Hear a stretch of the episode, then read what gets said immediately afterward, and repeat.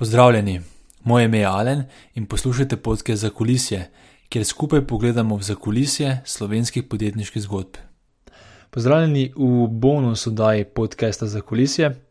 Glede na to, da mineva ravno kar um, dve leti, odkar sem začel snemanjem tega podcasta, se mi je zelo smiselno, da pogledamo um, nazaj, pogledamo, kaj sem se v bistvu naučil od uh, teh gostov v teh dveh letih. Nabralo se torej 39 gostov. Uh, tako da um, bom predstavil nekatere lekcije, nauke, kakor tudi kako sedaj to uporabljam na trenutnem uh, podjetniškem projektu.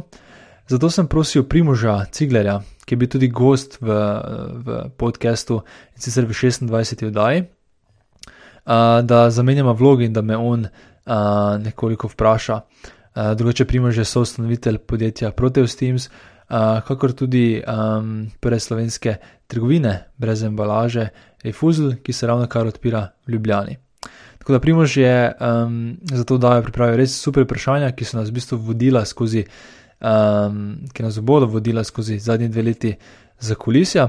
Tako da smo se pogovarjali o tem, zakaj sem začel sploh snemati ta podcast, kaj sem se v bistvu naučil in kako mi je potem to pomagalo pri mojem trenutnem podjetniškem projektu. Posebna zahvala pa gre še podporniku tega podcasta in sicer računalniškemu studiu 3FS, eh, ki periodično ustvarja spin-off podjetja. Eh, v bistvu gre pa za enega izmed začetnikov in bolj znanih podpornikov startup okolja v Sloveniji. Tako, to je to v vodu, sedaj pa želim prijetno poslušanje te bonus epizode. Ok, živijo Alan in dobrodošel v svojem podkastu za kulisje. ja, hvala, Primož. Dajmo začeti kar tam, kjer vedno začnemo. A se boš kar sam vprašal prvo vprašanje, ker že itek veš, kaj je. Uh, kje se začne podjetniška zgodba ali ambicija? Ne? Točno to, ja. ja, um, mora bi vedeti, da me to čaka vprašanje. Um, ja, začne se res pri meni že tudi kar zgodaj. Mislim, da sem nekje, kaj, v osnovni šoli, definitivno. Uh, Če se prav spomnim, je čist prvi projekt bil um, takrat neki šesti, sedmi razred, ko sem dobil tisti prvi pekač, uh, veš, tisto, ko si lahko CD-je pekel. Ne? Ja, to se spomnim. Ja. To smo, v osnovni šoli je to bila. Točno to. Ne. Takrat se je začelo s tem. In um, to mislim, da je stalo nekaj 12 tisoč, 15 tisoč dolarjev, nekaj takega.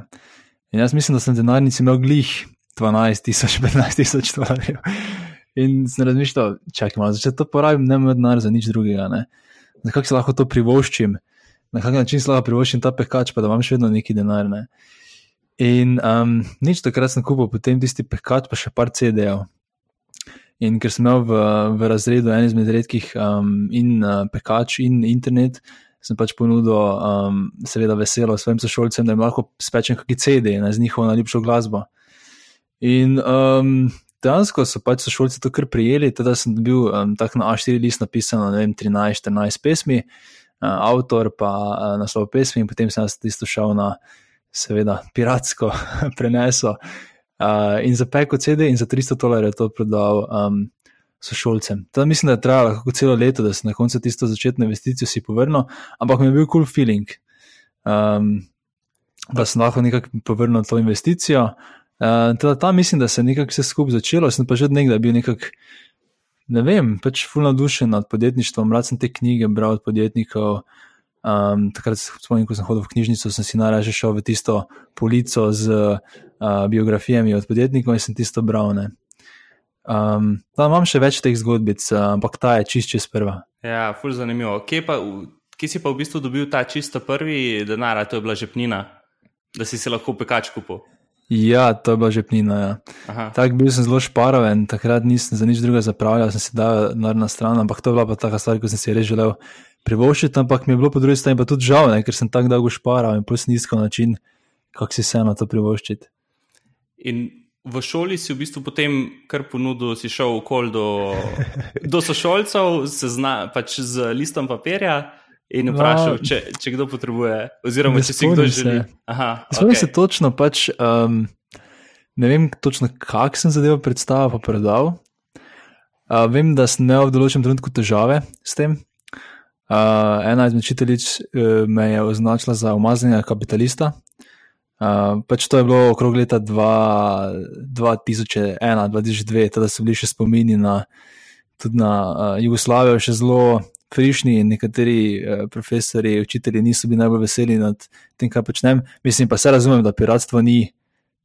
ni zdaj legalno in podobno. Da se ga ne podpira. Vseeno je šlo je za dokaj uh, naivno in pač uh, najstniško idejo. Uh, in ja, takrat smo imeli težav tudi s tem, ampak smo nekako prebrodili to. Ali pa misliš, da bi danes bilo kaj drugače, da se je situacija v današnjem šolstvu dejansko spremenila? Mm, ja, dobro vprašanje. Ja. Ne, vem, ne vem, če je bilo kaj drugače. Uh -huh. ja. okay, v, to je prvo vprašanje, ki ga vedno zastaviš vsem gostom v zakolisju. Me zanima, odkot v resnici izvira. Tako, kje si dobil to začetno vprašanje, ki smo ga v bistvu zdaj že 40krat, če tole bo v bistvu dodatna epizoda, bo 41, mislim, da. Mm. 41 krat smo že slišali, odkot izvira. Pa zato, ker se mi zdi, da um, v teh medijih, ko bereš te podjetniške zgodbe, slišiš samo to končno, čez zadnjo idejo. Ne? Mene pa mm. vedno zanima, kako je prišlo do tega. Veš, kako lahko repliciraš mogoče zgodbo, uh, ali kaj so neki nauki, ki jih je nekdo drugi skozi svoj cel proces dobil. Ne? Ponovadi se ta zgodba začne full prej, predvsem pri podjetništvu, ki se uči skozi projekte in skozi neuspehe. Se mi zdi, da če ga nekoga vprašaš samo po tej zadnji uspešni zgodbi, da niti ne dobiš tiste uh, celotnega uvida v to, koliko krat. Je šel skozi neke neuspehe, kaj se je z teh neuspehov zgodil. Teda to je neki poskus, da samo uh, drugače uokvirim celo zgodbo in da se tako na začetku že vidi, da ne bomo se pogovarjali samo o tej čist zadnji zgodbi, ampak da enostavno pridemo skozi celotno podjetniško uh, zgodbo posameznika, pa da vidimo tudi te fejle. Ne? Se mi mhm. zdi, da se da iz tega včasih še več naučiti, kot pa iz uspešnih zgodb. Ok, se mi je zdelo, da bo nekako tak tvoj odgovor. Oziroma, um, iz tvoje lanske bonus epizode, kjer si v bistvu ti mhm. razlagal, cel, kaj v bistvu sploh je design thinking, pa kako mhm. -huh. cel proces v bistvu zgleda, sem nekako videl ogromen enih usporednic, način design thinkinga, pa način v bistvu vprašanj, ki jih postavljaš v zakolisju. Tako da verjetno to ni na ključe, da na začetku v bistvu postaviš ta, ta okvir, ne, uh, ki si to, kar si ja. že omenil. Ja, ne, definitivno je dosti tega tudi um, vezano na, to, na ta design thinking. Vem, da um, prvi, ki me je spregledal, na nek način uh, je bil um, Mitja Mausar. Uh, on je takoj po podkastu tako rekel: A, zdaj jaz vidim točno, kaj ti delaš. Ne? Ti dejansko upravljaš na nas to metodologijo, da se praviš učiti o podjetništvu, in na nek način je to v bistvu ja, um, nek projekt, skozi katerega se pravim učiti. Uh, o podjetništvu in definitivno tudi način, kako sprašujem in kako pravim iti skozi, ja, bazira na, na, na tej podobni metodologiji. Super. Ok, super smo že zapeljali do projekta za kulisije, po katerem te tudi večina nas najbolj pozna. Tako da bi te v bistvu tlele malo bolj podrobno poprašal v projektu, ker mogoče nisi imel priložnosti, tako kot ostali pač gosti, ki govorimo o, svojem, pač o svojih um, podjetjih, pa podjetniški, podjetniških zgodbah v mhm. podkastu, mm. ti pa v bistvu nikoli nisi imel to priložnost zadevo uh, predstaviti. Tako da imam par vprašanj, ki me zanimajo, pa upam, da tudi uh, naše poslušalce. Tako da, da jim nam za začetek povej, odkot sploh ideja, pa želja po podkastu za kolisije. Ja. Um... Mislim, da se vse skupaj začne z mojo um, prvo in do sedaj tudi edino službo um, pri podjetju IDEO. O tem sem tudi razlagal, kot si omenil v, v prejšnji bonus epizodi. Um, zdaj, če bi naštel čisto vse projekte, ki sem jih imel od tega pečenja CD-jev, pa potem do IDEO, bi številka bila verjetno nekaj okrog. Krog deset takih mini projektov, podjetniških sem imel, vsi so bili pač manjši ali večji fejli. In zato sem se v tistem trenutku enostavno odločil, da veš, kaj bom pa jaz mogoče par izkušenj tudi dobil v službi in se pridružil podjetju, ampak potem, v kakem letu pa pol, sem enostavno že začel čutiti, da, da pa mogoče bi jaz vseeno nekaj svojega spet probal, da to ni čisto za mene, da imam službo. In um, to, takrat, ko sem začel z kulisami, je bila ideja točno to, da skozi te pogovore mogoče vidim, kako je drugim uspelo, ne? Pa da tudi dobim neki pogum, da spoh pustim službo. To je ena tako zanimiva stvar. Pač služba je tako prekletstvo, po eni strani pa tudi um, blessing, um, kako se temu reče slovensko. Blagoslovo. Ja, ja. Uh, nikoli nisem hotel imeti službe, ampak potem, ko sem jo imel, mi je bilo pač neverjetno težko jo pustiti. Ne?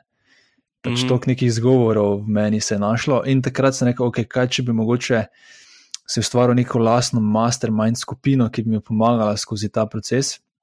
In če greš gledati nazaj, prvih deset podcastov, pa če poslušaš res vprašanja, vidiš, da sem dosti spraševal po tem, hej, pa kako si pustil službo, pa kako si se na to pripravil in podobno. Teda, eh, sedaj pa sprašujem drugačna vprašanja, ki so bolj vezana na trenutni projekt. Teda, če grem nazaj na tisto začetno vprašanje, Uh, zakaj sem začel je z tem? Zato, ker sem začel iti nazaj na um, sam podjetniško pot in se mi zdelo, da če začnem snemati en tak podcast, da bodo ljudje, ki drugače se mogoče ne bi bili pripravljeni z mano pogovarjati, si bodo mogoče vzeli čas in odgovorili na nekatera vprašanja, ki jih imam in ki mi bo pomagala naprej. Uh mhm, -huh. Zanimivo. Se pravi, v bistvu podcast je zate bil kanal do ljudi, si v bistvu, od katerih si se želel učiti. Ja, to je bilo primarno. Uh, učenje. In, uh, po drugi strani pa tudi uh, ustvarjanje te socialne mreže, uh mhm. -huh. da spoznam te ljudi, ki um, so uspešni in ki ti lahko tudi vrata odprejo do določenih, um, pri, pri določenih projektih, do določenih ljudi. Um, in tudi to se je kasneje izkazalo za, za nekaj, kar se je dejansko zgodilo. Ne? Pa lahko tudi, če pridemo do tega. Ja, super. Ne, imam v bistvu po to vprašanje na tej točki. Je, A, a imaš občutek, da je v Sloveniji dejansko težko priti do nekih podjetnikov, ali pa da ne bi mogel dejansko kar pač vprašati kolege, pa ta obstoječ krok ljudi, da te povežejo z nekom. A si imel občutek, da, da ne bi dobil uh, njihovega časa ali zanimanja? Dve stvari so. Prvo je to, da um, do nekaterih ljudi ja, ne bi imel dostopa, se mi zdi sploh. Um, do nekaterih ljudi, s katerimi smo potem naredili intervju, je dejansko trajalo po par mesecev, da smo sploh našli tistih 60-90 minut, da smo zadevo posneli. Ne. Kot drugo, pa um, se mi zdi, da s tem, ko snemam podcast, sem jaz dosti bolj prisiljen si postaviti vprašanje naprej, pa točno vedeti, kaj si iz tega želim. Uh -huh, Veš, če uh -huh. bi jaz zdaj samo se z nekom dobil na pijači, bi to se mi zdi tudi dosti manj uh, ceno, podzavestno, po mojem, ne bi prišel tako pripravljen, ne bi probo iz tega narediti um, celotne neke zaokrožene vsebine. Um, plus tega je bilo malo smešno, če bi šel na nek, z nekom na pijačo, pa bi ga vprašal, hej, kje se začne tvoja podjetniška ambicija ali zgodba. Ah, okay. Nekatera vprašanja, ki jih postavljam, bi bila po moje rahlo uh, smešna. Uh -huh, uh -huh. Tako da se mi zdelo, da je podcast neki boljši način, da se tega lotim. Plus to, da pač že, že nekdaj rad delam nek kontent. Uh, in se mi zdelo, mislim, ful imam rad tudi podcaste kot način um, konzumiranja vsebine. In se mi je zdelo, da je tu ena tudi luknja v Sloveniji. Uh, rekel, v bistvu najprej sem um, parim kolegom poskušal to idejo dati. Veš, kot, ej, kaj če bi ti začel to snemati? Ja, ja. Ampak potem, ko pol leta, če ne celo eno leto, noben tega ni zagrabil, se mi je zdelo, da mogoče pa je to zadeva, ki bi jaz moral narediti. Ful, zanimivo. A si že čisto na začetku, ko si se lotil, si šel noter v to idejo z neko mislijo o monetizaciji, oziroma da bo to dejansko pač, uh, projekt, na, da na dolgi rok pač želiš mm. iz tega tudi, uh, se pravi, pač zadevo kot uh, prodati, oziroma monetizirati na nek mm -hmm. način, ali čist uh, iz vidika, pač to je v bistvu um, investicija vame pa hkrati v bistvu delam v takem formatu, da še komu drugemu s tem pomagam. Ja, čisto na začetku je bila uh, ideja enostavno res dobiti neko znanje. Um, seveda, vmes sem se parkrat uh, tudi vprašal, uh, predvsem, ko sem dobil neki dober odziv, sem se parkrat vprašal, aha, ok. Uh, mogoče, če bi pa nek revenue oziroma nek prihodek dobil s tem podcastom, bi se ga lahko še bolj resno lotil, pa ga naredil še na večjem nivoju. Uh, ampak mislim, da nikoli nisem bil tako um, nisem nikoli tega projekta videl kot čist način za, za delanje, da bi bil to tisti moj glavni yeah. uh, ja. projekt. Ni, ni bilo neko pričakovanje, smo že več. Um, izkušenj z podobnimi projekti, pa se mi zdi, da je za to zadevo res težko nekaj monetizirati. To je pač enostavno že začetka, mislim, da imel dokaj. Um, Poravnane uh, interese z realnostjo. Uh -huh. da je bolj znanje. Ja. Ko si ti začel za kulisije, si živel pa delo v Berlinu, v bistvu še zdaj si v Berlinu. Ne? Takrat sem bil v Münchnu, zdaj sem v Berlinu. Ja. Aha, takrat si bil v Münchnu. Okay, kako je iz Nemčije v bistvu bilo ta, ta izkušnja iz Nemčije štartati slovenski podcast s slovenskimi gosti? Pa to se mi ravno zdela neka uh, mogoče konkurenčna prednost uh, uh, tega, da sem v tujini, je to, da sem tudi malo odmahnjen, uh, pa da zadeve gledam malo drugačen način. Um, teda meni se dela to v bistvu po eni strani prednost, ne, uh, da sem v tujini in da se takoj fokusiram. Um, jaz še do danes mislim, da za kulisije nisem noben podcast posnel v živo. Uh, kmalo bomo tudi prvega v živo posneli, v smislu, da sem z nekom ena na ena v sobi, ne. Uh mhm. -huh. Vse je bilo prek spleta. In um, to mislim, da mi je mogoče tudi to, da sem pač se pogovarjal z nekimi ljudmi, ki uh, so to iz, Amerike, vse pa so po svetu, pač slovenci um, ki drugače, če bi pač se fokusiral na neko lokacijo, pa da dela na nekih eventov, ne bi pač imel dostop do njih. Teda se mi je zdelo to um, na nek način zelo poravnano, uh, s tem, da lahko dobim dostop do teh ljudi, kot so Tomaš Tolfa, pa Jure Leskovec, pa um, Jugoslav Petkovič in tako naprej. Um, Ja, um, po drugi strani pa sem tudi želel ostati nekako v stiku z, z Slovenijo. Ne? Čeprav sem bil v Nemčiji, sem še vedno rad uh, šel na slovenske novice, pogledati, kaj se dogaja s slovenskimi startupi in podobno. In se mi zdelo to pač enostavno neki win-win-win za vse nas, da, da ostanem v stiku, da se nekaj naučim, pa da se tudi ostali nekaj naučijo. Se pravi, thinking outside the borders. To je bila ta prednost. Dobesedno. Ja, ja. V tem ja. primeru, ja. ja. Okay, uh, a lahko poveš, kako, v bistvu, kako se ti odločaš za sogovorce, kje dobiš ideje, s kom se boš um, z naslednjim pogovarjal? Um, gre, v bistvu, probam fully sebe izhajati. Um, če pogledamo spet na ta design thinking, se mi zdi, da sem mogoče neki ekstremni uporabnik. Nekoga, ki tudi če bi ta podcast obstajal, bi poslušal vse epizode do zdaj in, se, in razmišljam, okay, kaj je v tem trenutku to, kar jaz potrebujem.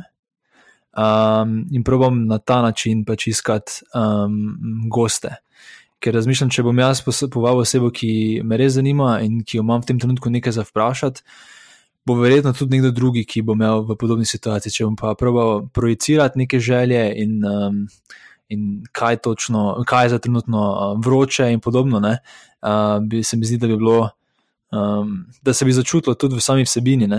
Teda, ena stvar, ki, ki se pravim izogibati, so neke vroče tematike. Teda, zelo dolgo uh -huh. sem se mhm. tudi izogibal teme kriptovalut, uh, In na koncu, tudi ko smo posneli to uh, epizodo z Mohamedom, smo probali pač posneti na tem nivoju, da ni kot nekaj, kar bo čez par mesecev že um, pase, ampak kot nek vodnik, ki bo tudi mogoče čez par let še vedno uporaben. Da probam um, iti na mogoče malo bolj te meta teme. Ne? Ki bo vedno pomembna, ne? kako začeti, kako prvo stranko dobiti, kako rasti, kako um, kako ekipo zgraditi in podobno. Zato mi je vedno pomembno, da tudi če imam nekoga, ki, ki je v tem trenutku mogoče bolj um, um, tudi po medijih, ne, da pač gremo v neke teme, ki so pa aplikativne tudi večjim ljudem, um, pa da za daljši, za daljši čas. Ne. Um, za same ideje, o, s, kom se, s kom se točno pogovarjati, na začetku sem čisto izviral iz um, nekih vzornikov iz slovenskega um, prostora iz ljudi, ki sem jih poznal. Potem pa vedno več je začelo s tem, da ste mi gosti, uh, vključno s tabo, več predlagali naprej, s kom naj se pogovarjam. Uh, in potem vedno naredim malo, uh, malo raziskave o tej osebi, kaj točno bi se pogovarjal z njo, um, in potem pač se dogovorimo za pogovore. Uh -huh. A se ti zdi, da je bilo na začetku teže prepričati goste, da so prišli v bistvu na zakolistje, ja. kot kar danes? Tega, ker Um, vem, da si v bistvu spremenil, mislim, da je zaključen del podcasta v smislu, da te da dobro oceno, da pač lažje prepričam dobre goste. Ali je to dejansko bil kdaj problem? Ja, dobro si to opazil. Ja. torej, za tiste, mogoče poslušalci, ki ne vejo, na začetku, uh, v avtu, torej čist na koncu podcasta, če greste nazaj poslušati, mislim, da sem govoril, da je ta ocena, zato da bodo drugi našli podcast, ne? zdaj pa govorim, da bo lažje prepričati. Um, ja, um, ne vem, še, še vedno se mi zdi, da je podobno. Fulje, odvisno pač Sloveniji še ta um, podcast format ni tako poznan in se mi zdi, da največja težava je pripričati nekoga, ki sploh ne pozna formata. Zdaj, nekdo, ki že pozna format kot podcast, pa mu potem omenim par številk, pa koliko je ocen, potem se hitro razume, um, da gre za neki um, relevanten medij, pa da se mogoče jim splača vzeti čas. -huh. um, Na začetku pa smo šli čist na uh, lepe oči, ne? pač nekoga, ki sem ga poznal, sem ga prosil, če si vzame čas. Um, naprimer, prve štiri uh, epizode, ja. uh, to sem vse štiri sem posnel, prednjem. Torej, ko je bila prva objavljena, so bile štiri, vse štiri posnete, ker sem hotel nekako sam sebi sploh dokazati, da sploh lahko dobim štiri. Ker sem mislil, ok, če dobim štiri, uh, potem verjetno lahko dobim tudi deset ali pa dvajset pa če bom sposoben štiri posneti, bom verjetno sposoben tudi več posneti. Um, teda sem s tem začel in potem. Uh, torej na začetku sem uh, začel z ljudmi, ki jih bolj poznam, pa, pa vedno več zdaj probujem se širiti, mogoče ljudi, ki jih ne poznam. Uh -huh. In tu je pač spet ta način, kako jih prepričati malo drugače. Ne? Na začetku je šlo, da pomagam mi pri tem novem projektu, zdaj pa vedno več tudi um, pač malo treba statistike uporabljati in mhm. podobno. Ne. Se mi zdi, da je v tujini mogoče lažje, um, ko, ko format poznajo, ne, ker snemam tudi en podcast v, v angleščini, uh, da je mogoče malo lažje prepričati, pri nas je vseeno treba malo boljše razlagati, kaj podcast je in podobno. Ne. No, spet odvisno od gosta. Okay. A se ti je že zgodilo, da ti je kdo odklonil? Ja, ja. Aha, aha. A, se dogaja, zanimivo. Kaj pa, se. A, a se kdaj v bistvu gostje sami javijo? Um, da bi bili pač gosti v zakolisju. Ja, tudi sem že dobil par um, predlogov, rečemo. Ja. Aha, in kako v bistvu reagiraš potem na to? Ali je to pač lastna presoja? Ja, čisto lastna presoja. Nimam, mislim, res je odvisno, kdo je. Ja. Pa če sem se želel uh, z njimi pogovarjati. Se pravi, pač, um, mi je odvisno, če za to osebo v tem trenutku imam kaj točno za podebatirati, ker pravim, zdaj um, to je neki moj stranski projekt in um, nimam za to sredstev, da dejansko bi delal intervjuje, pa se poglabljal in delal samo neke stvari, ki mogoče se meni niso blizu. Uh, ampak pač pravim, vedno um, izbrati ljudi, od katerih se lahko nekaj naučim, ki bo meni zdaj pomagal, ker vem, da bom uh, se dosti hitreje jaz lahko vprašanja pripravil, da bo dosti bolj zanimiv pogovor, da sem dosti bolj povezan s to osebo, kot pa če zdaj probam. Um, Nekdo, ki mi včasih piše, pač, ki ima željo biti na podkastu, pa mogoče ni čisto povezano s tem, kar jaz trenutno želim, pač pravim, ali odpišem, da mogoče kdaj kasneje, ali kaj takega. Pač v tem trenutku enostavno um, mi je zdaj bolj pomembno, da dobim točno osebo, ki mi lahko odgovori na moje vprašanje, kot pa da imam naslednjo oddajo takoj na voljo. Razumem, ja. Torej, fokusiraš se zelo na vsebino, pa relevanco, kar v bistvu na koncu pripelje do, pač kvalitetne, do, do kvalitetne vsebine. Se pravi, če izhajaš iz svojih problemov, sigurno lahko te bojo tiste stvari res zanimale in, pač, in greš v, v to globino, ne, ki jo tudi v bistvu vsi poslušalci iščemo. Ja, je triki, ne, ker po eni strani to, kar mene zanima, mogoče ne zanima koga drugega. A po drugi strani pa se mi zdi vseeno to boljši način. Ne, ker uh, mediji so polni teh zgodb, ko pač imaš novinarje, ki enostavno morajo uh, zapolniti prostore in se včasih tudi začuti, da jih čist ne zanima ta zadeva. Uh -huh. Teda imaš prednosti in imaš slabosti. Ne. Samo toliko obstaja že teh medijev, da se mi zdi, da pač, um, kar nam omogoča ta medij, je to, da smo malo bolj avtentični, pa da malo bolj iz sebe izhajamo. Teda pač provam na to, uh, na to noto iti. Mhm. Prej si že omenil, v bistvu, te zadeve nisem vedel. Ti si imel štiri podcaste posnete že takrat, ko si v bistvu prvega objavil z Nikom. Ne? Mislim, da je bil prvi ja, z Nikom. Planškom, ja, ja. Okay. Um, pa sem se vedno v bistvu spraševal pri tebi, tako občudujem to um, tvojo ustrajnost pri snemanju, ne? ker Slovenija še vse en, kot si rekel, ljudje mogoče ne poznajo tega formata tako dobro. Um, Statistika, pač, oziroma število poslušalcev, še vseeno je v bistvu relativno nišen podcast, mm -hmm. Pa me zanima, ali so bili kdaj kakšni trenutki, ko si tako že bil na meji, ali bi splošno nadaljeval s tem, ali ne bi. Ali ne, si, ja. To nisem. Ja. Uh, ne, nisem bil nikoli na meji, da bi nehal, uh, imam pa v tem trenutku ravno uh, ful težavo. uh, mislim, dejansko imam v tem trenutku ful časovno stisko. Uh, lani, naprimer, ko sem več časa, sem vsake dva tedna objavljal. Uh, zdaj leta sem zmanjšal na tri, uh, torej en podcast na tri tedne. Um, zdaj celo ta podcast bo šel po štirih tednih, ker enostavno sem zapadal v eno tako veliko luknjo, kjer moram uh, nekaj stvari dokončati, pa še en projekt sem dobil ob tem. Um, teda definitivno ni bilo nikoli na, na misli, da bi končal, um, vsaj ne še trenutno, uh, pač neka skrita želja me je do tri mestne številke, ampak da bomo videti, če bom do tja prilezel. Um, je teda provam bolj to. Um, pomanjkanje časa uravnavati s tem, da mogoče manj poredko objavim. Ne? Ampak mm -hmm. tudi sem dobil vem, uh, feedback od nekaterih ljudi, da so tako dolgi podcasti, da tudi če ne izhaja vsak teden, pa vsaka, druga, uh, vsaka dva tedna, da ni problem, ker. Je težko najti čas, da poslušaš. Ne? To je zanimiva specifika tudi Slovenije, da uh, so tako kratke razdalje um, potovanja. Naprimer, ko greš v službo, je 15-20 minut, ne?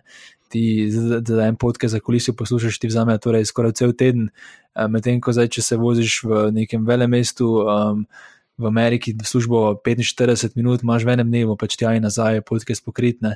Uh, teda je tudi način poslušanja malo drugačen. Um, teda pač probam, če, če že snimam malo manj, probam uh, vseeno držati to dolžino. Um, ampak ne, nisem nikoli še bil blizu tega, da bi nehal, še vedno zelo, zelo rad snimam in uh, Teda upam, da, da, da, da bo še vedno poslušalcem zanimivo, da bomo nadaljevali. Ne?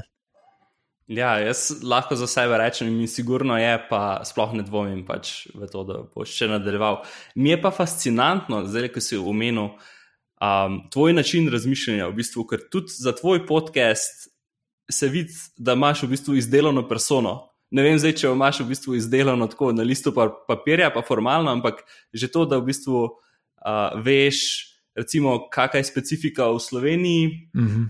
glede recimo komutanja, pa načina poslušanja podcastov, pa to primerjaš z nekom v Ameriki, to vse v bistvu izhaja iz tega, da. da Vredno iz tvoje prejšnje službe, že ne, pač ja. iz design thinkinga in iz tega, da v bistvu začneš na cel svet gledati, kot, oziroma na vsak projekt, ki se ga lotiš, tudi če ni nujno pač zasnovan kot nek um, komercialen projekt, da v bistvu si izdelaš persono, kdo je ta oseba, ki me posluša, kaj bo on imel od tega. Se pravi, da je ta um, človek na drugi strani v bistvu v, v središču.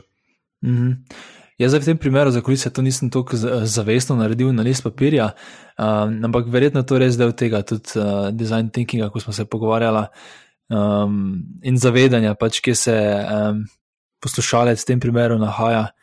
Ne vem, to je bilo tudi uh, zelo naravno, pač, ker prijatelji poslušajo, pa se lahko z njimi pogovarjam in slišim te zadeve. Uh, ampak se mi zdi pametno uh, temu prisluhniti, pa sploh vedeti, kaj se dogaja. Ker na začetku, naprimer, ko smo te štiri epizode posnete, je moja ideja bila. In tudi, naprimer, če greste brati na internet, um, how to publish a podcast, ne, uh, kako začeti, vsi predlagajo, da daš vse možne epizode na začetku ven. Ne. Če imaš štiri posnete, da je vse štiri ven. Uh, oziroma, celo, uh, en, ali, ali celo tako, da moraš eno ponedeljek, eno vtorek, nekaj takega je. Plan je pač uh mhm. -huh. en boom narediti. Uh, ampak že hitro sem dobil feedback, da, um, da je preveč, da je tu mačne, da pač ne malo počasneje grem. Uh mhm. -huh. In um, nič se pač zdi pomembno poslušati, pa ugotoviti, kaj ljudje, kako ljudje sploh konzumirajo, pa uporabljajo. Um, če lahko temu rečemo produkt, ne, v tem primeru podcast, pa se temu prilagoditi. Um, zdaj, če bi imel dosti krajši podcast, bi pa lahko mogoče dosti bolj pogosto objavljal. Se to je res, se mi da odvisno tudi od, od formata, pa od tega, kaj želiš doseči. A se mogoče spomniš, eh, ko omenjaš ta članek, zakaj, zakaj v bistvu dati vse hkrati ven? Kaj, kaj Mislim, je da je bil razlog v tem, da te potem iTunes boljše prepozna ker se več dogaja na tvojem novem uh, računu oziroma računu, in da potem lahko prideš na tisti news, uh, new and noteworthy uh, sekcijo. Uh -huh, uh -huh, Zdaj, če greš na iTunes, imaš tam potem tiste predlagane nove podcaste, ampak to v Sloveniji še ni tako pomembno, ne? ker takrat, ko ja. sem jaz začenjal, dejansko pač. Si imel mogoče 4-5 relevantnih podcastov, sploh v Sloveniji, tako da noben mm -hmm. sploh ni hodil gledati, kaj sploh je na voljo. Da je bil okay. bolj puš kot pul me zanima še malo, v bistvu, če, se, če ostanemo še malo pri tej statistiki in številkah. Um, zdaj, ko pogledaš v bistvu nazaj, pa malo v bistvu statistiko, pa poslušanost podcasta, kako si v bistvu zadovoljen s temi številkami? Ja, to je ena debata, ki jo imamo s Primožem kar pogosto. Tako da vem, da veš o tem že dosti, lahko se poglobimo. Pač na začetku je bil en taki veliki uh, spike, um, katerega sem bil zelo navdušen in zelo um, uh, vesel. Uh, Vmes se je zadeva nekako ustalila. Um, No, pa če smo čisto konkretni, na začetku smo kar hitro dosegli z, z podcastom poslušalnost okrog uh, tisoč ljudi, pa ne vem, 700 tisoč ljudi. Ne? In se je potem kako leto, leto pa celo ustalilo tukaj. In sem se začel pač spraševati, uh, delam kaj narobe, um, kako to, da nič ne raste zadeva. Ne? Um, ampak zdaj sem se enostavno um, nehal obarati s tem, ker spet če grem čisto na začetno, um, razlog, zakaj sem začel snemati, je spet, da bi imel neko znanje za sebe, ne, teda načeloma to sploh ne bi smelo biti v spredju. In mislim, da odkar sem se malo sprostil, pa ene stvari tudi uh, uh, spremenil, oziroma celo manj promocije delam, da se je zadeva celo izboljšala. Um, teda zdaj trenutno smo poprečju nekje 1700 uh, poslušalcev na en, uh, na en podcast. Uh, še ne sem zelo, zelo zadovoljen. Um, In um, se mi zdi, da spet je tudi neka številka, ki lažje potem prepriča uh, ostale poslušalce, ne poslušalce, niti, ampak goste, da, da si vzamejo čas in mm -hmm. da delijo svojo zgodbo uh, v tem formatu. Mm -hmm. Super. A se ti zdi, da v bistvu, ko se lotiš nekega projekta, pa na začetku dobiš pač neko potrditev, bodi si trga, bodi si v tem primeru pač število poslušalcev, potem pa da v bistvu začneš, je, je to nekako tvoj, postane tvoje glavno vodilo, oziroma ta energija, iz katere v bistvu črpaš motivacijo za naprej. In se lahko zgodi, oziroma se nam podjetnikom zgodi, da potem um, preklopimo iz une nekakšne začetne ideje v, na to ta novo, in se v bistvu začneš obremenjevati z neko zadevo, ki na začetku sploh ni bila um, nekakšen cilj, ja. zakaj, zakaj si se tega lotil. Da v bistvu pozabiš smisel, zakaj si v resnici sploh začel delati s, s tem, s čimer se ukvarjaš. Ja, to se, se mi zdi, da se zna hitro zgoditi. Um, mislim, ena stvar, ki se mi zdi, da se zna hitro zgoditi, je, da na začetku si, naprimer, jaz, čisto na začetku, ko sem tiste čist prve projekte imel, mi, um, mi je podjetništvo pač bilo full cool, ker sem zdel, ok, si samostojen, si neodvisen, imaš svoje odločitve. Uh mhm. -huh. In tam okrog leta 2012, mislim, da je bil full ta hype, 2010 naprej, full hype okrog startupov. Pač predtem pred se startupe sploh ni omenjalo, pač te besede sploh ni obstajala. Ne? In pač nekdo, nekdo, ki je bil nad podjetništvom, navdušen sem, vala, full skočil na to, avo, startupi. In vala, je tudi jaz moram imeti svoj startup. Um, in po parih failih, ne, sem potem ugotovil, da čakaj malo, zakaj je sploh mene podjetništvo zanimalo. Ne? In sem v bistvu ugotovil, da ta startup, oziroma ta način podjetništva, sploh ni tisto, zakaj jaz želim imeti podjetništvo, ampak je bolj pač neki hype, pa neka stvar, ki se je zgodila kasneje in se je povezal s tisto prvo stvarjo, ne, ne vede. Um, in komaj, ko sem to razčistil pri sebi, se mi zdi, da se mi je zdaj spet nekako odprlo. Ne? Uh, in, in da spet lahko raste naprej. In se mi zdi, da se zna podobno dogajati, tako se je tudi zdaj pri zakulisju zgodilo s temi številkami in s tem, ne, da se pač pozabiš, kaj je tisti primarni cilj, uh, da se to zna res zgoditi, ampak da moraš, da se moraš malo zavestiti, pa se vprašati ja, o tistih začetnih motivacijah. Mhm. Da jim nam samo povej, 2010-2012, ko je bil ta hype, pa si v bistvu se počutil, da moraš biti del tega, oziroma da boš zamudil ta vlak. Um, kaj si v bistvu takrat trenutno počel? Um, naprimer, pač, um, takrat smo z, z kolegi iz ekonomske fakultete naredili ta prvi startup vikend v Sloveniji. Uh -huh. um, In ja, tudi tista ideja, tisti celi dogodek je bil sicer eh, zelo uspešen, ampak zakaj smo ga organizirali, je zato, da bi mi našli svojo ekipo tam, s katero bi lahko potem svoje neke ideje delali. Jaz se spomnim, da na tistem dogodku je takrat bilo nekaj 70 uh, udeležencev. Um, rečemo, vsi bolj early adopteri, um, zato ker bi čez prvi dogodek in še ljudje niso niti vedeli za startup vikend, razen tisti, ki so bili res globoko v tej sceni. In uh, neka skrita želja nas vseh, ki smo to organizirali, je, da bi si našli ekipo. Ne? In uh, takrat sem jaz pač par takih ljudi zanimivih spoznal in spomnim, da smo se parkrat potem dobili na pijači, uh, da bomo pa mi zdaj skupaj startup štartali. Ne?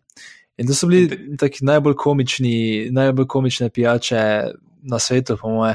Ker dejansko naš pogovor je bil, ah, ok, ja, mene tu startupe zanimajo, kaj bomo pa zdaj, ima kdo kakšno idejo. In smo se ne dva meseca dobivali, da bi mi našli našo idejo. Ne?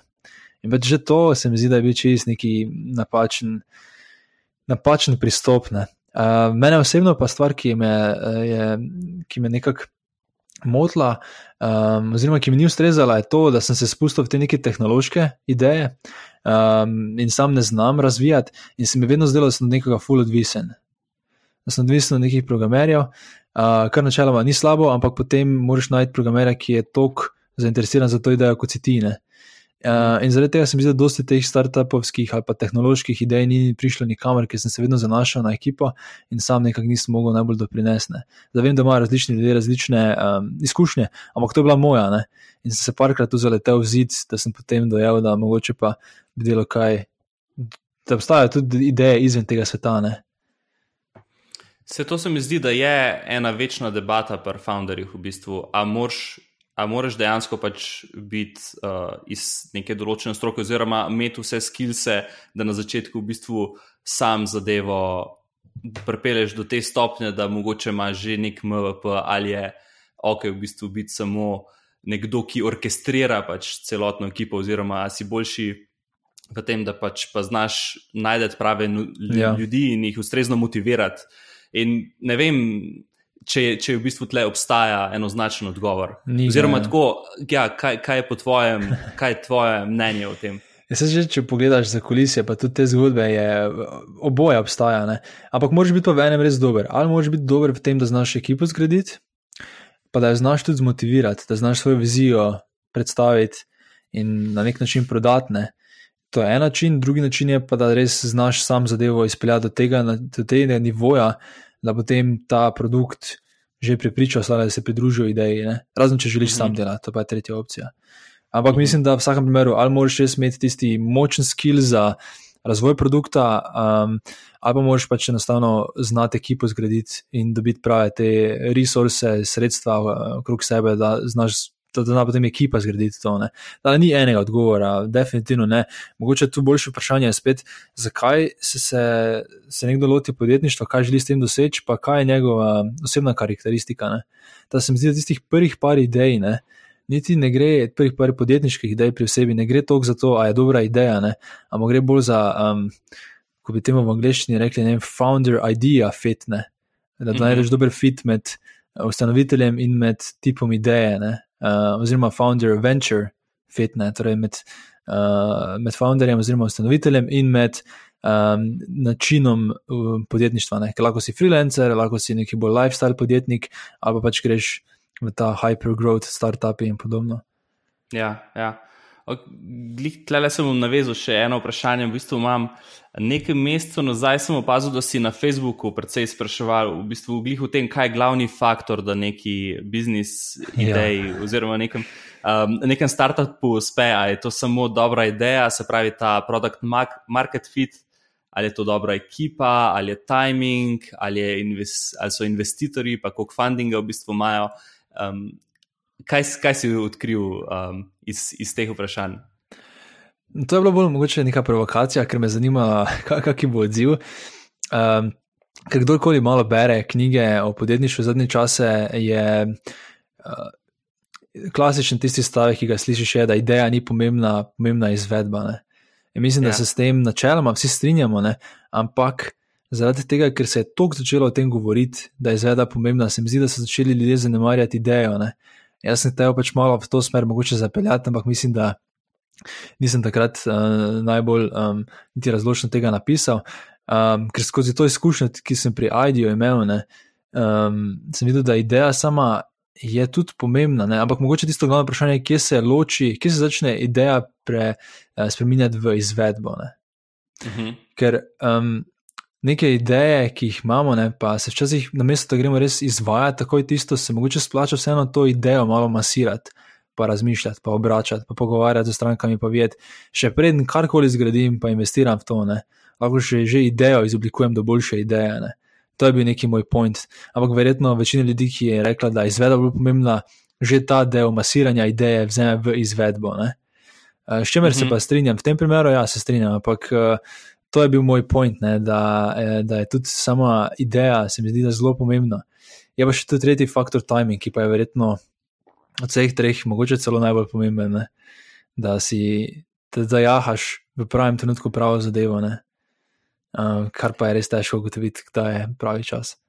Ja, se, v, z vsem, kar si povedal, se v bistvu strinjam. Se pravi, tehnika se je precej bolj prevesla iz tega, um, da je bilo v bistvu včasih samo ideja pomembna in potem v bistvu posod poslušamo samo eksekucijo in je šlo v bistvu čez, čez nek balans. Ne? Mm. Se pravi, balans obojega je pomemben.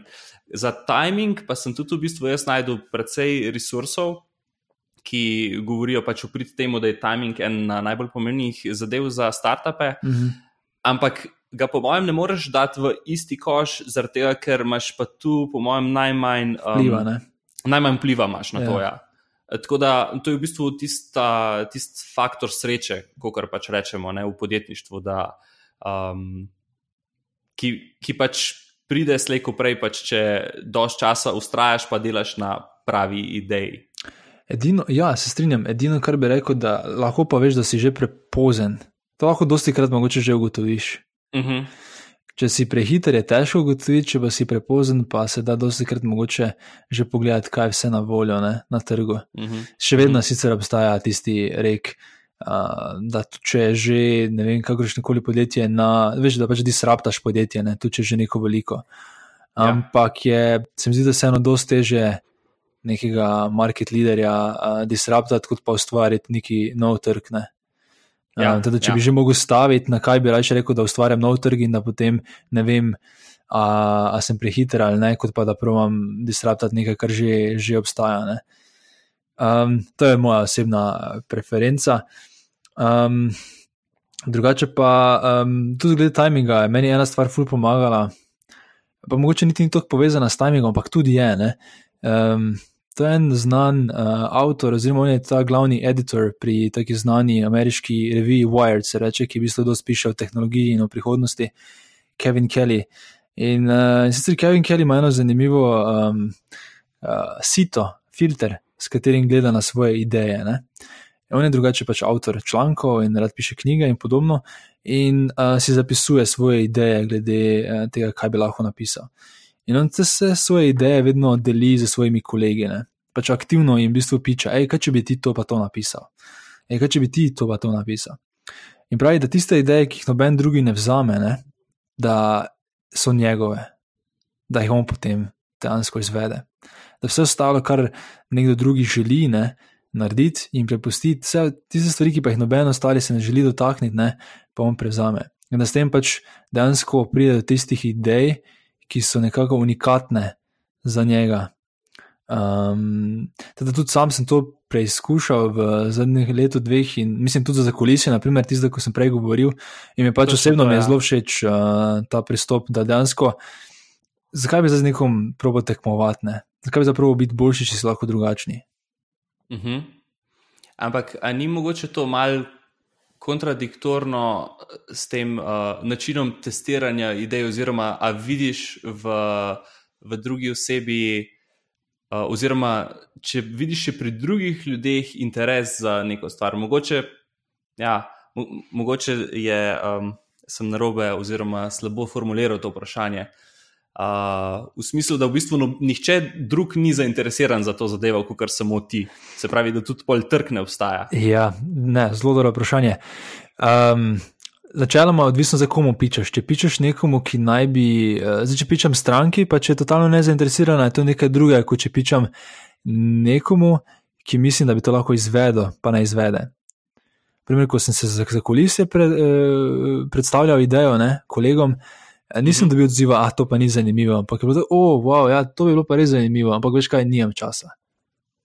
Se pravi, v bistvu, da se zavedaš, um, da je kak, iz, kako izrednega pomena je, kdo je na drugi strani, kdo je tvoj poslušalec. V bistvu, s kom se pogovarjaš, da, da ne smeš ja. imeti vseh ljudi v isti koš, in iz tega tudi v bistvu potem izhaja, da lahko posebej, ko delaš neke, um, nek nišni biznis, razvijaš neko nišno idejo, da se v bistvu moraš uh, najti te ljudi, ki jim je to relevantno. Se pravi, če boš šel na splošno populacijo in boš ljudi na cesti spraševal enega za drugim za neko zelo specifično stvar, uh, ki rešuje problem zelo specifičnem okrogu ljudi, boš verjetno najdel, boš prvih ljudi ti bo rekel ne, ampak to še ni nujno, da ta zadeva ne pije vode. Ja, to je ful pomembno. Moraš biti, moraš biti pameten, da ja, ločiš razliko med tem, um, če nekdo če, če, če ti vsi pravijo, da nekaj nima smisla, ne, potem verjetno res nima smisla. Um, Zdaj, če je neka variacija med tem, da določenim ljudem je všeč, uh, določenim pa ni, potem verjetno samo uh, moraš svoje sporočilo za tiste ljudi pač prilagoditi. Ne. Mislim, da smo full abstraktna, ampak ja. isto je bilo tudi uh, za zakulisje. Mislim, da se lahko zdaj v tem drugem projektu še pogovorimo, ampak naprimer za zakulisju je bila zadeva taka, da um, tudi ni, ni bil vsak navdušen, ko smo omenili, da bi to snimal. Ne. Aha, to je še bilo, naprimer, uh, za kulisje, uh, preden je nastalo, sem pač enim petim, šestim prijateljem pisal, um, kako se jim zdi ideja, pa če bi bili pripravljeni testirati. In, naprimer, med teh šestih, kateri sem poslal na koncu, ne vem, od teh šestih, mislim, da samo en dejansko poslušal vseh, vse štiri do konca in mi dal feedback. Uh mhm. -huh. Meni je že to bilo ok, um, se ni bil najboljši znak, ampak se mi je zdelo, uh, okay, vsaj en je poslušal do konca, te očitno ni edini, ne, ki bi kaj tega ja. poslušal. Plus tega, da tudi meni je bilo fajn poslušati še enkrat um, vse te pogovore. Da se mi je zdelo to kot neki dokaz, da okay, vsaj nekdo je pripravljen poslušati. Uh, mogoče ugotovim, zakaj je on bil pripravljen poslušati, ostali pa ne, in potem prilagodim temu celoten koncept. Ok, super. Malenkost si že nakazal o tvojem drugem podkastu, o Beyond Users. Um, očitno ti je, ti je en podcast uh, čisto preenostavno, oziroma ti je mala malca, tako da si se v začetku 2018 uh, lotil še tega drugega, ki je pa v angleščini. Um, pa nam lahko malo poveš v bistvu motivacijo za ta drugi podcast, pa um, kaj je vsebina. Ja, um, mogoče da začnem čisto na začetku. Torej, ko sem začel za kulise snemati, uh, sem želel najprej najti neki svoj projekt in postiti službo. Torej, lani 2018 sem potem dejansko postil IDO, nekje okrog maja, mislim, da je bilo to, in se potem lotil temu um, pohodniškemu projektu, ki ni bil on user, uh, ampak ta pohodniški projekt, ki ga omenjam tudi v zadnji bonus epizodi, torej IBEX, um, se je tako počasi razvijal, da nekdo, ki um, želi ki ni želel vzeti investicije, ne, torej jaz, ampak je mm. želel razvijati nekaj bolj v. Um, Um, torej, kako se že temu po angliško reče? Bootstrapping. Bootstrapping, ja. Uh, ko že bootstrapa se je enostavno prepočasi začelo razvijati, da sem iskal pač nove projekte, kaj, kaj še drugega bi lahko ustvarjal. Kaj še, kaj še drugega ima mogoče unikatna znanja, ki bi jih lahko mogoče pretvoril v nek produkt. Ne? In uh -huh. um, takrat, ko sem se preselil v Berlin, se spomnim, da sem se pridružil enemu coworking prostoru, se reče Factory. In v tem coworking prostoru uh, je tako, da ko te sprejmejo v njega, da pač prvi dan imaš um, tako mini predstavitev, ker ti predstavijo cel prostor, in potem teh deset ljudi, ki se jih tisti dan pridruži, um, se malo predstavijo, neki kratek introduction. Ne. In takrat se spomnim, da teh od nas desetih jih je pet reklo, da dela design thinking. In to je mene, moram reči, kar šokiralo. Odkud zdaj ta celi hype okrog design thinkinga in oblikovalskega načina razmišljanja? Um, to mora biti cela poplava torej ljudi, ki to delajo. In jaz sem takrat imel par ponudb tudi za freelancerstvo, da delam, kar se tiče design thinkinga, ampak se mi je zdelo enostavno spet nazaj na tisto. Ne? Če to ljudi to dela, lahko jaz mogoče kaj drugo delam, pa se ne edini kot tisto. In, in takrat sem začel razmišljati, okay, kaj drugega še mogoče lahko unikatno naredim. In potem je en dan en kolega um, ki vodi eno podjetje tukaj v Berlinu, pisal, um, če bi lahko za njih mogoče kako delavnico design thinkingu naredil. sem bil mhm. tak. Um, in ko sem začel pisati mu odgovor, ne, sem rekel, lahko uh, učim. Torej, lahko učim vaše poslovne ljudi v dizajnu, ne, v oklepaju design thinking. In ko sem napisal ta del stavka, mi je bilo tako, da lahko pa vaše dizajnere učimo v biznisu. Ne? Um, se pravi, obr, obrnil si. Samo obrnil sem, je bil taki aha ja. moment, mi je bil, čakaj malo, sem to pa nobene dela. Ne? Jaz pa sem pri prejšnjem podjetju, IDEO, bil pač business designer oziroma poslovni oblikovalec in je na nek način bila točno to moja vloga. Torej, um, sem, um, v podjetju so bili vsi oblikovalci, niso imeli dosti tega poslovnega znanja. In moja naloga je bila, da sem pač nekako bil tam most med dizajnom in med biznisom. Ne. In sem vedel, koliko je pač to težava. Dejansko dizajnerji imajo vedno več pomena v podjetjih, vedno bolj um, tudi na večjih pozicijah so in vedno bolj se jih kliče tudi na strateška vprašanja. Um, sami pa niso samo zavestni glede tega znanja, dosti krat pa jim ga tudi primanjkuje. Ne. In to mi je bil tisti aha moment, in sem rekel, ah, ok, če je to pa lahko moče res ful zanimiva ideja. Plus tega, da sem dokaj v unikatni poziciji, pa še noben tega ne dela. Ne. In sem rekel, kako lahko to idejo testiram. In tu prijemo do tega podcasta Beyond Users. Um, pa mogoče še korak pred podcastom, um, da, da samo razložim, na kak način sem validiral um, ta podcast. Um, Torej, ko sem dobil to idejo za, za ta projekt, ta produkt, no, v tem, v tem tistem trenutku samo projekt, ne, um, sem rekel, okay, kako, kako lahko to čim hitreje testiram, ne, da je spoh dejansko ne investiram za časa v neki snemanje podcastov, ker tudi snemanje štirih epizod mi bo vzelo vsaj dva tedna. Uh, in sem pisal desetim sodelavcem iz bivšega podjetja, torej Adia. Sem rekel, hej, bi bilo tebi zanimivo, če bi ti naslednji teden od ponedeljka do petka poslal en taki kratki e-mail, ne vem, 300 do 500 besed, v katerem bi ti naučil en koncept o biznisu, relevanten za oblikovalce. In vseh deset reklo ja.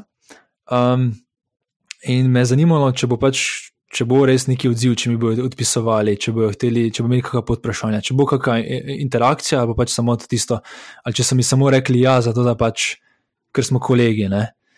Mhm. In um, no, v tem enem tednu je potem uh, ta e-mail lista, no, čeprav ni, nisem, nisem sploh imel spletne strani, ampak so začeli sami pošiljati naprej, je zrasla iz 10 na 50 ljudi. In potem je bil to znak, oh, wow, to pa je res nekaj, ne, nekaj zanimivega. Ne? Um, in po testem no, sem se odločil, ok, okay zdaj pa je čas mogoče, da postavim spletno stran, da uh, ponudim ta petdnevni e-mail tečaj um, za stojn na spletu, se lahko sam prijavijo, ob tem bom pa snimal podcaste, da um, spet gradim občinstvo na nek način, in ob drugem se učim tudi sam od ostalih poslovnih oblikovalcev, kaj so stvari, ki so pomembne za dizajnere. Um, na tak način se je nekako rodila ta, ta cela ideja, pa tudi ta podcast Beyond Users. Wow, ful zanimivo. Veš, kaj me zanima? V bistvu ti si dal, um, ko si v bistvu ti dal v ID odpoved, š, to je bilo v bistvu, se pravi, Beyond Users se je razvil šele zatem, ko si ti že, že v bistvu dal odpoved. Ja. Pa pač pol, pol leta zatem, ja.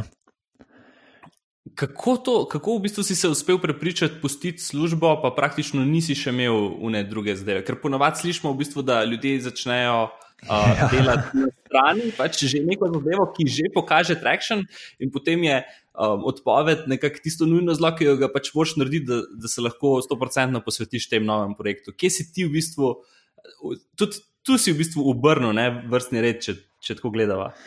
Ja, to, to je, načeloma tega nobeno ne bi priporočal, ampak mene je enostavno to dušilo preveč. Um, Máš ljudi, ki jim je bolj, mislim, več, za večino bi jaz raje predlagal obratno, da ostaneš v službi, v varnosti službe in ob tem razvijaš neko idejo, dokler ne začutiš, da je to res tone. Ampak mene je to tisto tako dušilo, da enostavno več nisem mogel zdržati. Pa ne, da je bilo kaj narobe za podjetjem, katerem lahko res samo dobre stvari rečem, ampak ni bilo za mene.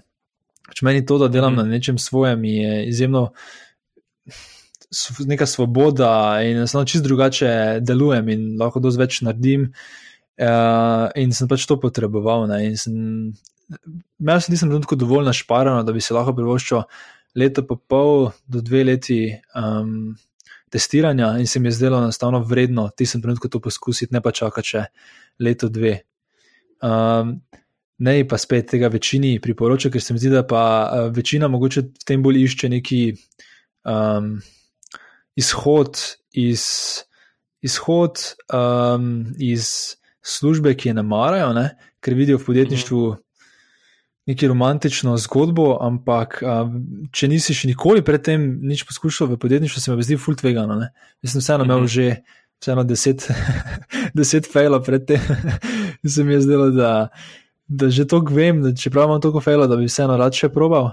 Uh, za neko, ki pa mogoče vidi v tem tisti prvi poskus, pa je mogoče vseeno bolj tvegano. No? Ampak ja, vsak ima svojo zgodbo, no? to mislim, da je bolj tukaj nauk.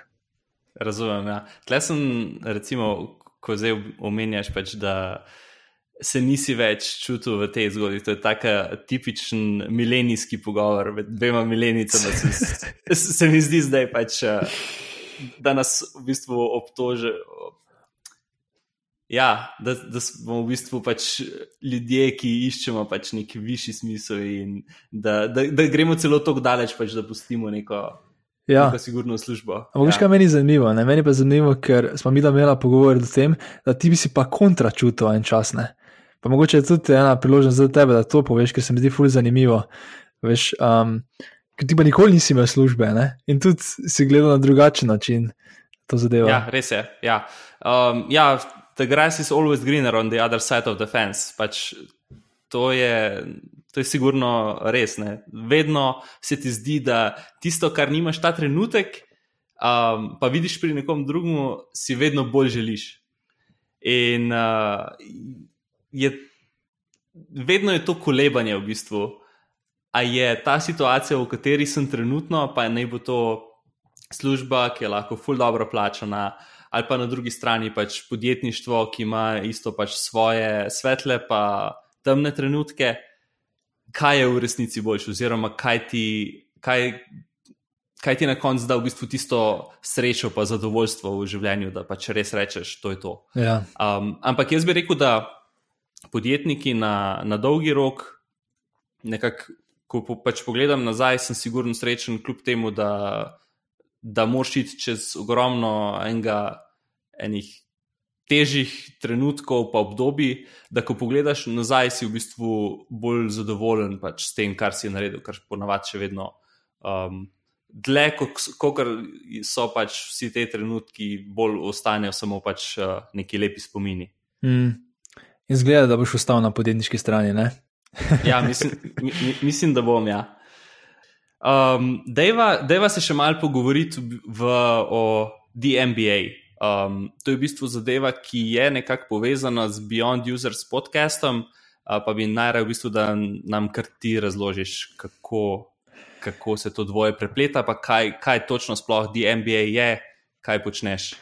Ja, bom mogoče kar nadaljeval to zgodbo, ker se mi zdi zanimiva. Um, pač k temu, uh, rečemo, venture, oziroma te ideje, sem tokrat, za razliko od drugih, pač zelo strukturirano pristopil. Ker kot sem omenil prej, je um, pač prvo, prvo, ko sem imel idejo, v bistvu prvo vprašanje je bilo, um, kako naj čim hitreje, čim ceneje to testiram. In prvo glavno vprašanje, oziroma največji rizik, ki sem ga v tistem trenutku imel, je.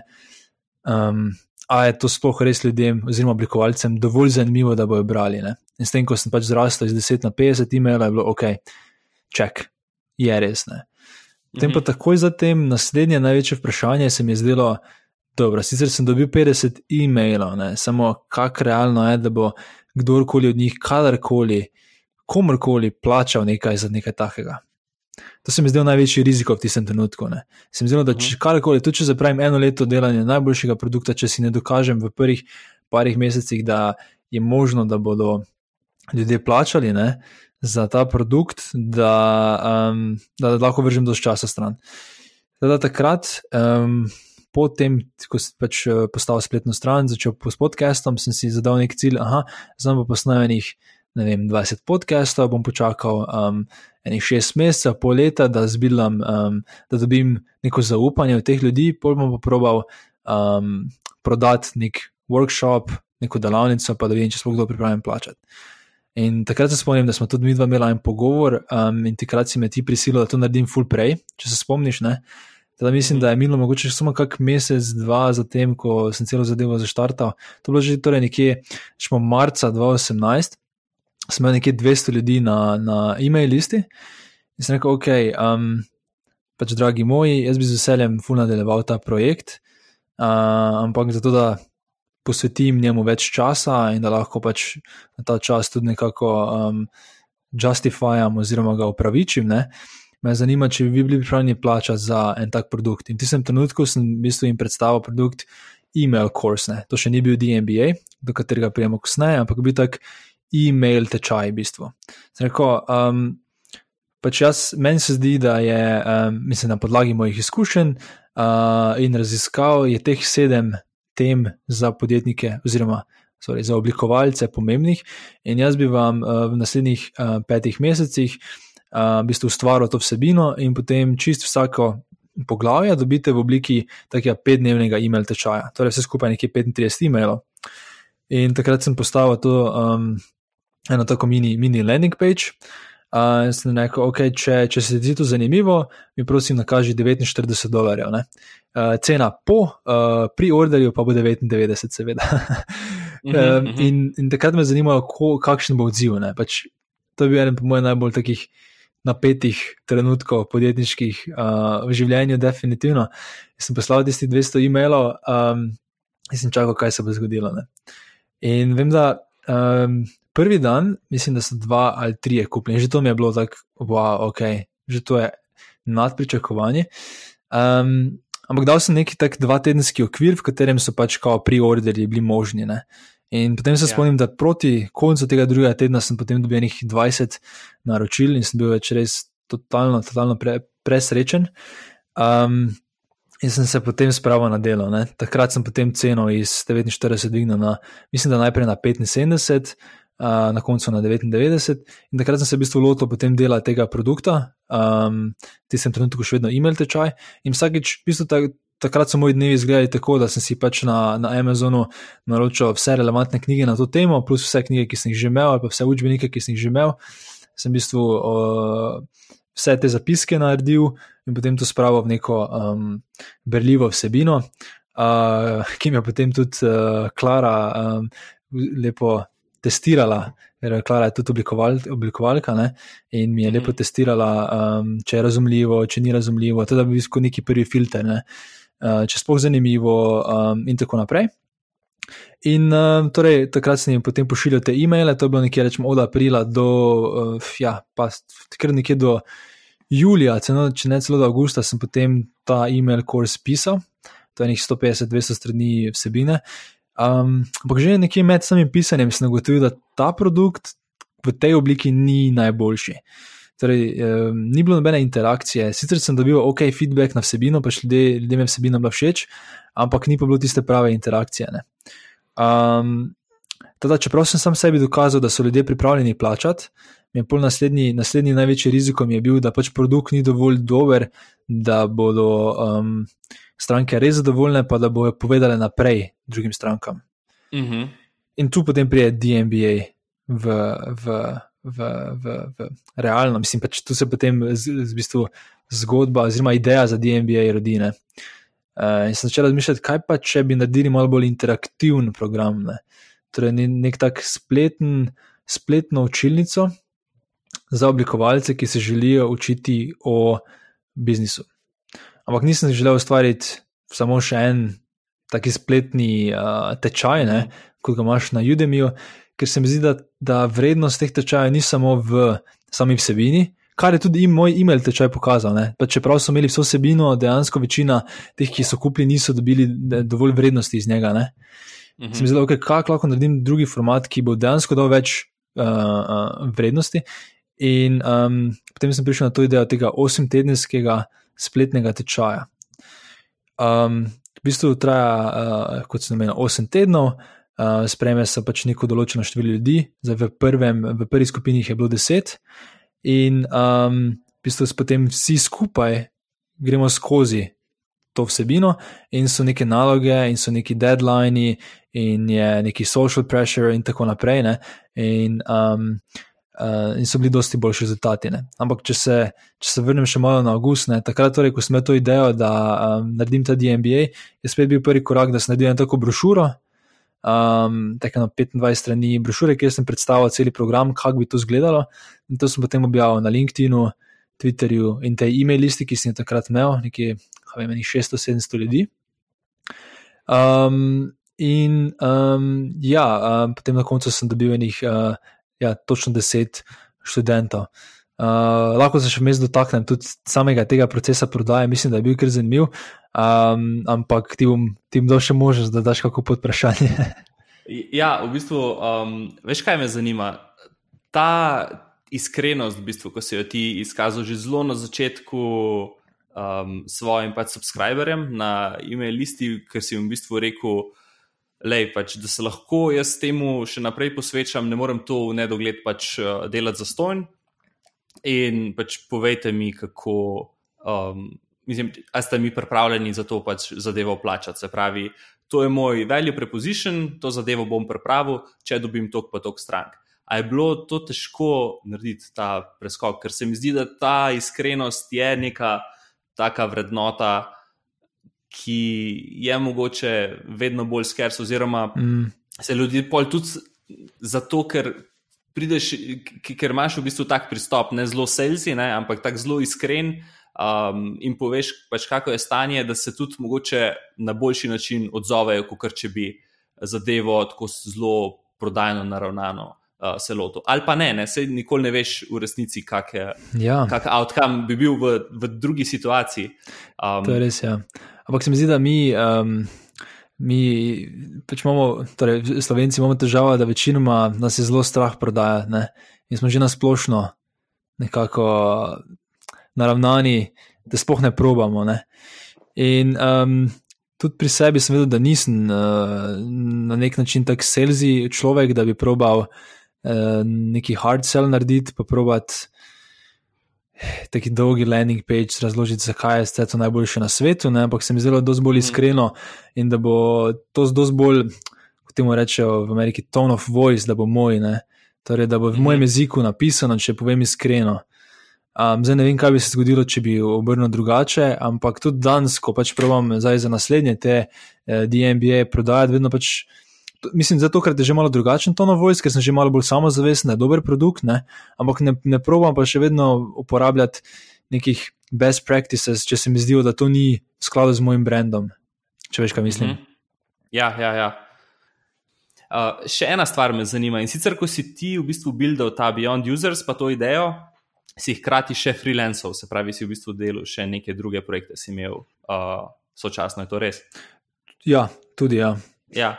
Um, pa me zanima, ko, kako si v bistvu uspel združiti to boje, ne? ker um, freelancing, pa ta konzulting, to te, se mi zdi lahko zelo hitro potegne noter, zato ker je to nek siguren prihodek, ki ga dobiš takoj, medtem ko pa posel je mogoče en velik potencial nekje daleč v prihodnosti in včasih težko najde to motivacijo. Ja. Kako si med tem dvojem v bistvu um, krmaril? Um, mislim, da sem že od začetka čutil, da ne želim biti freelancer, oziroma ne želim pač prodajati storitev, ne, ampak raje še dosti raje produkte. Um, se mi zdelo zelo pomembno, da si postavim neke omejitve. Ne. In dejansko, veliki večini projektov, ki bi jih lahko imel, raje rečem ne. In iščem tistih par na leto, ki, ki pa zelo dobro plačajo um, in ki mi še vedno omogočajo, da, um, da imam čas za DMBA primer, v tem trenutku, ko da nisem imel časa um, pos, posneti podcast, par, par tednov, uh, sem jih imel to priložnost pač delati na enem takem projektu. Uh, in sem se pač uspel spogajati, da delam od ponedeljka do srede na, kot freelancer uh -huh. na tem projektu, potem četrtek, petek, sobota, um, mislim, tudi sobota, kdaj ja, um, pač delam potem naprej DMBA. Teda mi je vedno pomembno bilo to, da ko se odločim za ta neki freelancing, uh, projekt, da um, vem, da je to za kratek čas in um, da še vedno je v prioriteti tisti, tisti produkt. Ne. Teda sem probal reči ne nekim malim projektom uh, in iskati mogoče neke um, ne nujno ogromne projekte, ampak pač projekte, ki, ki so mi potem lahko dali denar za mesec, dva. Uh -huh, uh -huh. Se pravi, da si v bistvu da si lahko plačal račune, hkrati pa v bistvu še vedno imel nek čas, na, v katerem si lahko pač razvijal idejo Beyond Users, pa DMBA dalje. Ja, ja. Okay. Um, jasno je v bistvu, da imaš tako zelo um, ta skill organiziranosti tvojega delovnika, zelo, um, se zelo pač vidi iz tega, kar si, kar si povedal. A, je, a se je to lastnost, ki si jo imel od nekdaj, ali si to aktivno delo na tem, imaš kakšne resurse, kako v bistvu to narediti. Ker danes, recimo, um, ko, ko imamo pač ogromno teh nekih kreativnih poklicev, uh, pa ogromno freelancanja, dela remote, je to pač zna predvsej ljudem predstavljati kar veliko težavo. Mm -hmm.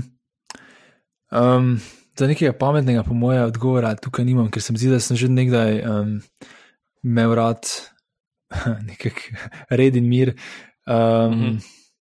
Zato mi je tudi bilo, by the way, težko delati v nekem full open uh, spaceu, open officeu, uh, dosti krat me to full omejevalo. Um, ampak meni se zdi, um, kar sem ugotovil, mislim, da letos mi je prišlo na pamet, da je v bistvu full dober elitmus tesne, zato če, če boš dober freelancer, um, no ne nujno dober freelancer, ampak če ti bo fajn ta zadeva, je kakor si bil kot študent. Um, če si znal biti organiziran, um, pa če si znal lepo sam sebi čas razdeliti, kdaj se moraš kaj učiti, kako če jim posvetiti. Ne? Mislim, da boš tudi kot freelancer ali pa tudi kot remote delavec, ti bo malo lažje.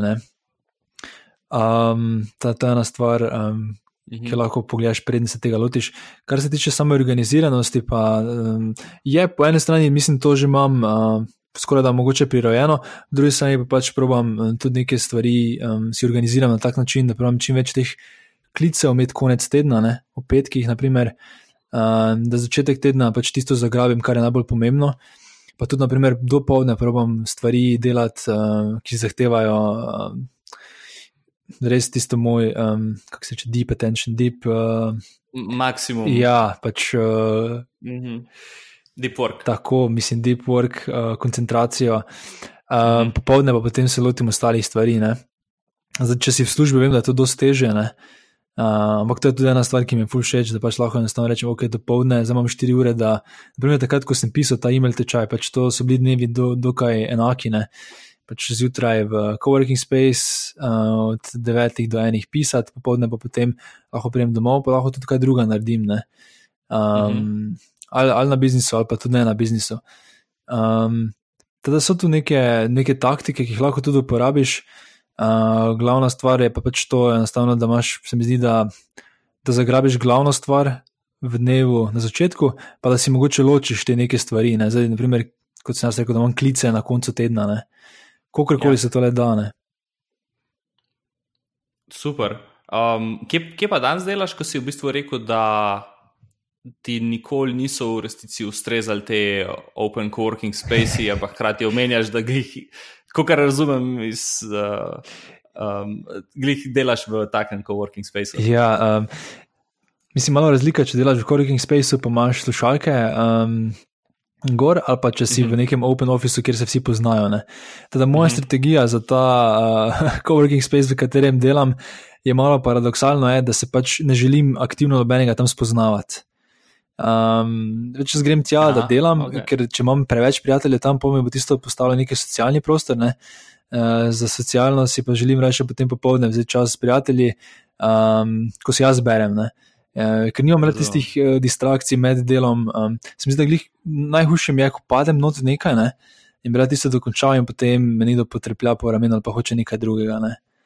Pač tisto mi potem vse tisto me potem res ven vrže. Pa se mi zdi, da potem nekaj, kar bi lahko naredil v treh urah, pol rajem osem ur, da naredim.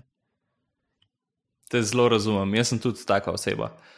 Um, da pač, ko, imam, ko, si, ko si začrtam, v bistvu, da bom zdaj bo pa pač delo, um, me to zelo vrže iz tera, pač, ko, ko potem druge ljudje potrebujejo. Zaradi tega pač je tudi precej časa moj telefon, recimo na flight modu in me pač enostavno ljudje tisti čas ne morejo dobiti. To je ful dobra taktika. Ej, jaz se sicer ne smem tega vedno držati, ampak včasih si tudi um, pustim flight mode na telefonu do enih. Ne? Torej, dokler ne naredim tiste glavne stvari, pač meni. Mhm. Um, prej sem te v bistvu zaključil, oziroma si, si mi ti dal možnost, da lahko še kaj drugega vprašam. Pa me zanima, če bi zdaj nadaljeval v bistvu DMBA, zdaj smo pa še ja, ja. Kjer si, kjer si v bistvu spremenil format iz uh, neke vsebine, ki, ki uh, pride v, bistvu v tvoj inbox, v um, spletni tečaj. Ja. Ja. Kako se je ideja potem od avgusta naprej razvijala? Torej, na začetku sem imel eno idejo, um, da naredim, v bistvu, čisto začetna, prvotna ideja je bila štiri tedenski spletni tečaj, kjer vsak teden v uh, ponedeljek dobiš vsebino, ki je posneta, uh, potem v sredo oddaš svoj um, assignment oziroma neko nalogo, potem v četrtek dobiš novo vsebino, pa do nedelje oddaš. In to se potem osemkrat ponovi, kar pomeni štiri tedne. Ne? In uh, sem to zadevo, pač, kot sem omenil v brošuri, uh, objavil na LinkedIn, Twitterju in podobno. In um, v prvih dveh tednih mislim, da sem bil samo eno stranko. Um, ceno sem postavil, ne vem, na mislim, 600 evrov sem postavil ceno, um, mm -hmm. ker se mi zdelo, da moram že na začetku tudi malo više mogoče postaviti, um, da se pozicioniram na drugačen nivo kot pa Udemy in podobni. Ja. Uh, nisem mi pa zdelo preveč, ne, ker vem, da vem, v podjetju, v katerem sem jaz delal, smo imeli 1000 evrov na leto za um, izobraževanje na voljo. Ne. In to je bil tudi moj nek, tak, um, neka strategija, oziroma um, ciljal sem na to, da bi ljudje lahko zapravili tisti denar za ta čaj. In feedback, ki sem ga dobil, oziroma uh, ne, malo feedbacka, ki sem ga dobil, je, da enostavno je osem projektov v štirih tednih preveč, ob tem, ko delajo za polni delovni čas, ne? ker program je bil -hmm. oblikovan za, uh, za, za ljudi, ki so zaposleni za polni delovni čas. In um, v tistem trenutku sem se pač odločil, da čeprav sem eno stranko že imel, da pač radikalno spremenim format in ga razvlečem na 8 tednov, in uh, še vedno v ponedeljek dobiš sicer uh, vsebino, ampak v petek je še en taki, um, rečemo, govorilna ura, kjer smo se potem vsi slišali preko um, Skypa in so lahko postavili vprašanja, in potem do nedelje oddajo uh, assignment. Um, in, in potem, ko sem to spremembo naredil, sem naenkrat imel 10 strank. Ne.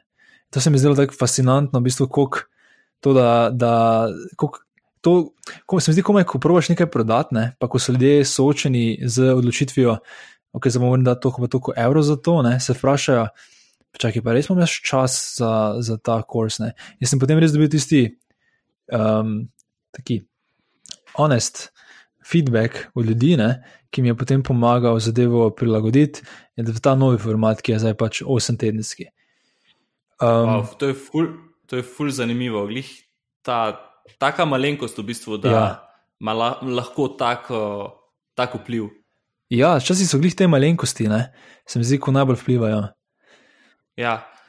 Kako pa, um, veš kaj, včasih tudi, oziroma velikrat je težko dobiti ta honest feedback, pa v bistvu, da ljudje ti res povejo tisti glavni razlog, ker včasih niti sami ne vemo, ne znamo obesediti, zakaj se ne odločimo za neki. A si mm -hmm. Tle direktno pač dobil, da so ti pač ljudje rekli, nimam časa, če bi zadeva bila v bistvu zastavljena na način, da pač od mene zahteva pol manj časa, sem veliko bolj pripravljen uh, to zadevo kupiti, ali si mogel v bistvu spet uh, po kakih. Po kakih ovinkih v bistvu pride do tega odgovora? V tem primeru ni bilo tako težko. V tem primeru je bilo dokaj enostavno, um, ker je rečemo, stvar, ki je ozaveščena, ne? torej nimam časa. Včasih uh mhm. -huh. pa je zelo težko teh stvari priti in Tukaj je ena stvar, ki ti pomaga. Um, vem, mi smo včasih uporabljali um, na, v, v raziskavi, te, mi smo tam rekli tenzije. To pomeni, da predstaviš stranki um, dva ekstrema. Zdaj, v tem primeru bi jaz lahko jim predstavil štiri tedenski program in osem tedenski program ne? in bi vprašal, uh, katerega bi izbral in zakaj. Um, ampak mora biti taki trade-off decision, ne more biti ja, nekaj vmes. Pač, mora biti prednosti in v tistem krajšem programu, ne? in uh, slabosti, in obratno. Ne? In uh, kot uh -huh. postaviš potem. V tem primeru, vem, rečemo, da si za intervjuje ne, in to tenzijo predstaviš, potem res lahko dosti krat priješ do teh uh, razlogov. Pa tudi, če ne prideš do razlogov, že to, da razumeš, da obstaja neka uh, ta tenzija in da je neko um, nezadovoljstvo, ali pa da z nečim niso čist, ne vejo, mogoče niti sami razumeti, kaj, ampak lahko pa definitivno začutiš, da nekaj ne štima. Ampak že to je včasih dovolj. Uh, Naprimer, ja. zdaj, eh, glih dva tedna nazaj, smo, smo končali z tem DMBA 1, torej s prvim programom. In ena stvar, torej imel sem feedback z, z študenti in sem jih pač vse vprašal, kako mi je bilo to všeč, kako mi je bilo to všeč. In um, naprimer ta klic, ki smo ga imeli v petek, QA call, sem ugotovil, naprimer, um, oziroma statistika je kazala, da se ga vsak teden manj ljudi udeležilo. Ne. Ampak, ko sem jih potem za feedback vprašal, so vsi rekli, da jim je to bilo všeč. Ampak očitno že to, da uh, se niso udeležili, oziroma da vsak teden bilo manj ljudi, mi že pove, da nekaj ne štima tam. Točno to, to, da to, tudi- to, na, na, Ja, ja. Na, na, to sem, na to sem se navezoval, točno na, na tak tip v bistvu Ja. ja. insightov, ki um, ti na direktno vprašanje ne dajo direktno odgovor. Ja. In moč v bistvu po ovinkih pride do, do teh uh, odgovorov. No, kako si pa v bistvu tle? Um, Tu zdaj že rešitve nimam, um, ampak Aha. vem definitivno, da moram nekaj spremeniti. In um, eno je, da bom zadevo pozicioniral mogoče na drugačen način, da ni to QA call, ampak je mogoče coworking session, ali pa, ali pa mogoče moram čas spremeniti iz petka na soboto ali pa nedeljo. Uh, par stvari bom pač proval zdaj v naslednjem intakeu, uh, torej bom neki drugi ekstrem peljal, da vidim, če to boljše deluje. Ne? Uh -huh, uh -huh. okay. Um, na spletni strani od zakulisja v bistvu sem našel, da imaš v zvezi z DMB-jem napisano, tole je kvot, um, so mi pogovori z uspešnimi podjetniki pomagali in tvoj odgovor je, mislim, da. A bi lahko mal bolj specifično povedal, v bistvu, kaj so bili tisti glavni nasveti, če zdaj pogledaš, vem, 40 epizod je v bistvu že za tabo, ogromno ljudi, s katerimi si se pogovarjal, ampak imaš kakšne um, kake insajte, ki si jih um, implementiral v bistvu konkretno pri DMBA-ju in zakaj je zdaj DMBA drugačen, kot pa, pa bi ga se, se ga lotil brez uh, zakulisja. Ja, mislim, mogoče moram samo še opozoriti, da zdaj DMBA jaz ne bi pozicioniral kot nekaj velik uspeh, pač še vedno je to produkt v, um, v razvoju, ne? zato sem tudi tam napisal, mislim, da ne. Pač kaže dobro, ampak bomo zdaj videli, na, do katerega ne bo jim je pomagala. Um, mislim, prva stvar, ki mi je definitivno ful pomagala, so ti začetni pogovori, naprimer z Blažem Zupanom, z, z Andražem Torjem, z Jano Fleischer. Um, torej, kaj najhujše, kaj se lahko zgodi, če probam biti podjetnik? Ne? Veš, ko se res to vprašaš, če zakaj si zdaj ne upam pustiti službe ali pa probat. Če se res to želim, kaj najslabše. Ne? Ker, naprimer, eh, Jana, Jana je uh, se podala v podjetništvo um, z, z tem, ko je imela in hipoteko, in otroke. Ne? Zdaj, jaz mm. definitivno nisem v slabši situaciji, kar se tega tiče. Zakaj, kaj me torej druga omejuje? Ne? Potem druga zelo velika stvar um, je, naprimer, z Blažem Kosem, ko sem se pogovarjal o tem, zakaj um, mislim, da startup ni pravi za vsakogar. Ne? Ta podcast ja. mi je zelo tak, tak res me je sprostil na nek način. Ono, aha, ok. So še drugi tipi podjetništva, ne? zakaj se zdaj vsi zapodimo za tistim enim. Um, in meni osebno pač startup, vsaj v tej fazi, ko sem se začel, mi ni pasal. Nikoli ne, ne pravim, da nikoli ne bo, ampak zdaj mi definitivno ni ustrezal. Um, ta, to so to mogoče tako dve, dve um, meta, um, dva meta learninga, ne, oziroma uh -huh, nauka. Uh -huh. Um, zelo, zelo specifična, naprimer, stvari, ki jih je Klanšek razlagal v prvem podkastu, pa zdaj pred kratkim tudi Nastja Kramer ali pa v četrtem Gregor Koprivnik, je to, kako, dobiti, kako to e-mail listo zbilda, če prednji začneš. Ne. Pač ja. tega sem se lotil um, skoraj da dobesedno. Pač čim več ljudi, še prednji imam produkt in potem probam njim uh, zadevo prodati, da vidim, spoh, če je smiselno razvijati produkt. Ne. Ker na koncu, na koncu, kaj najslabše, kaj se lahko zgodi, pač lahko denar tisti vrneš. Um, Zdi se mi, da mi tudi ful pomaga ta pogovor z, z Žigolešnikom, pa z Mojcem Marš, pa z Primožem Božičem, glede postavljanja cen. Um, mm -hmm. Tu se spomnim tudi enega, ene druge knjige, ko sem jo bral, ko je en izmed najbolj znanih visi um, investitorjev rekel, um, da, da je postalo zelo moderno, da daš nizko ceno svojemu produktu. Ne? V upanju, da bo pač dosti ljudi si lahko privoščilo, in potem boš pač imel ogromno strank in skozi to pač dobiš ja. potem revenue. Uh, ampak vprašanje, ki ga on potem postavil, um, je, ali je tvoj produkt sploh dober, če ljudje niso pripravljeni plačati za njega več. Ali sploh rešuješ dovolj veliki problem. Ne? In to, to vprašanje sem si pač postavil, tudi ko sem si za ta produkt um, oblikoval. Pa tudi e-mail kurs, mislim, 50 dolarjev za 35 e-mailov, se mi že takrat zdelo malo dosti. Um, to je več kot, email na, več kot dolar na e-mail, ne? ampak se mi je zdelo, če jih uspem za 50 prodati, um, če sem torej, če, če uspem že za 50 prodati, sem v bistvu, um, kako naj razložim, probam vedno, um, probam vedno malo videti v ekstrem in če še potem vedno mm -hmm. uspešno, veš, da imaš nekaj zanimivega. Veš, kaj Mhm, mislim? razumem, Tudi, ja. naprimer, če Ja, narediš ja. Ja, dokaj slab podcast, pa ljudje še poslušajo, si tako, oh, wow, torej, če ga naredim še boljšega, bo verjetno še več ljudi poslušalo. Ne? Torej, ne pravim dati najboljši eksperiment ven, ampak mogoče malo, da se vidi, da ni to, to še. Ampak če že tisto Ja. yeah. zalaufa, potem si, oh, wow, ok, to je nekaj zanimivega. Ne?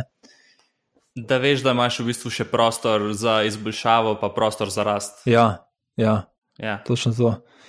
Um, ful zanimivo je tudi to, uh, kako biti, kako ustvarjati um, neko novo kategorijo.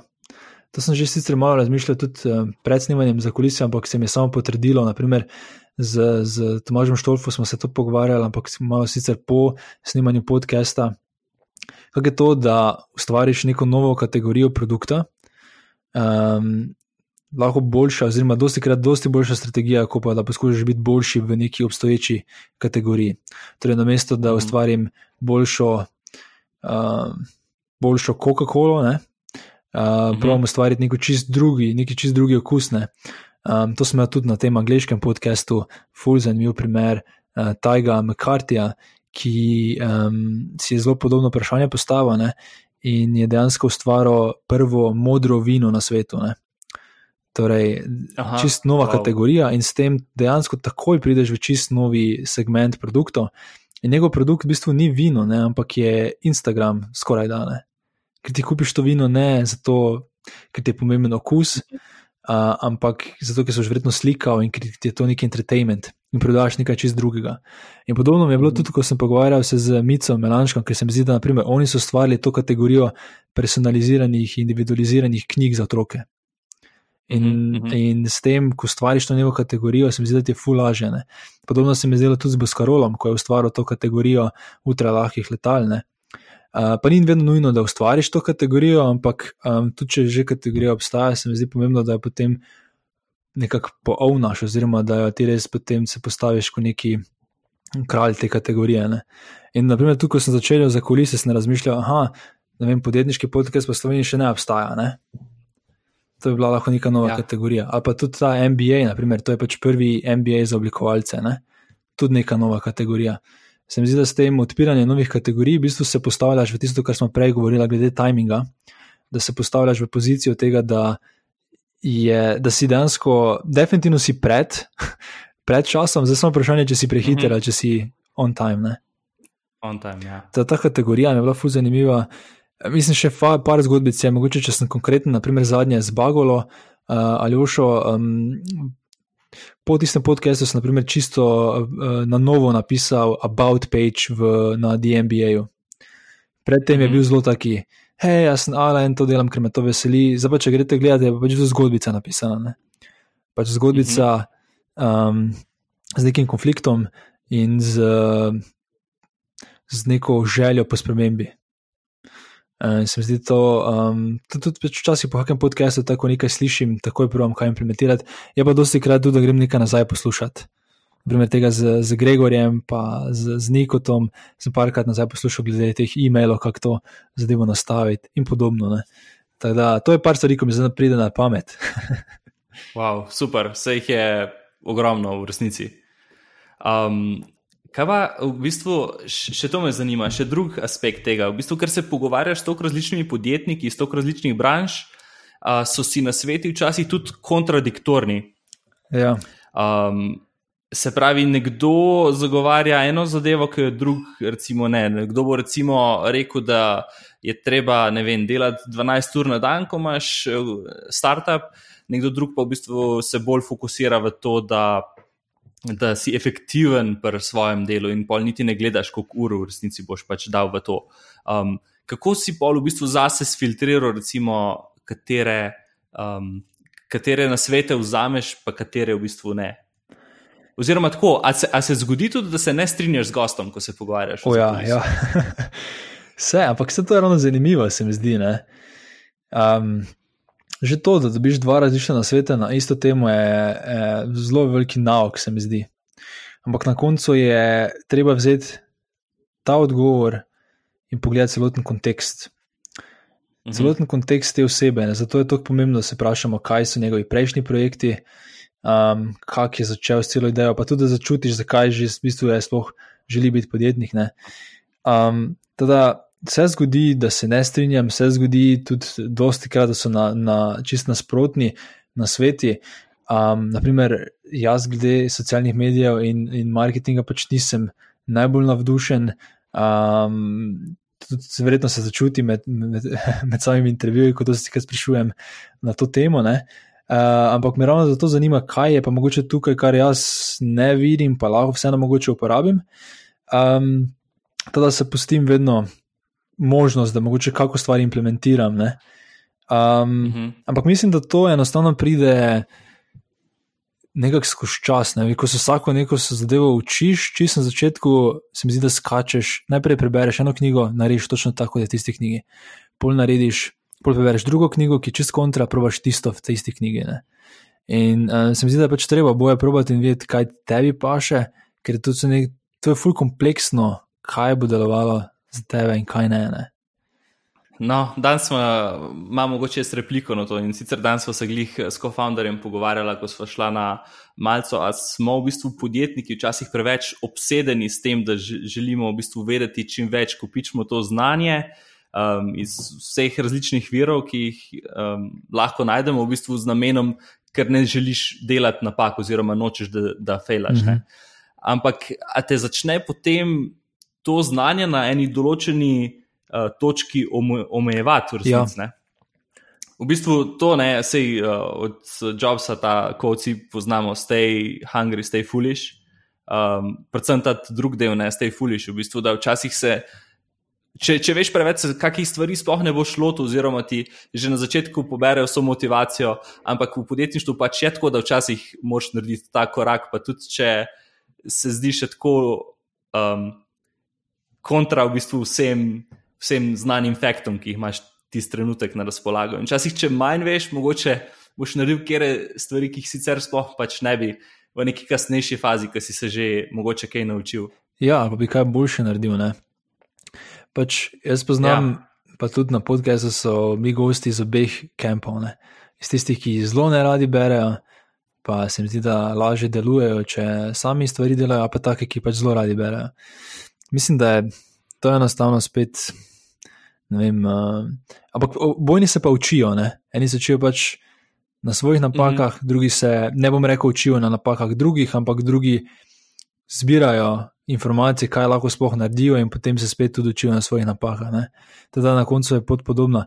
Ampak jaz, jaz mislim, da je spet tukaj fulosebna preferenca. Jaz, če si prvo ne preberem knjige na neko temo ali pa treh knjig, pač.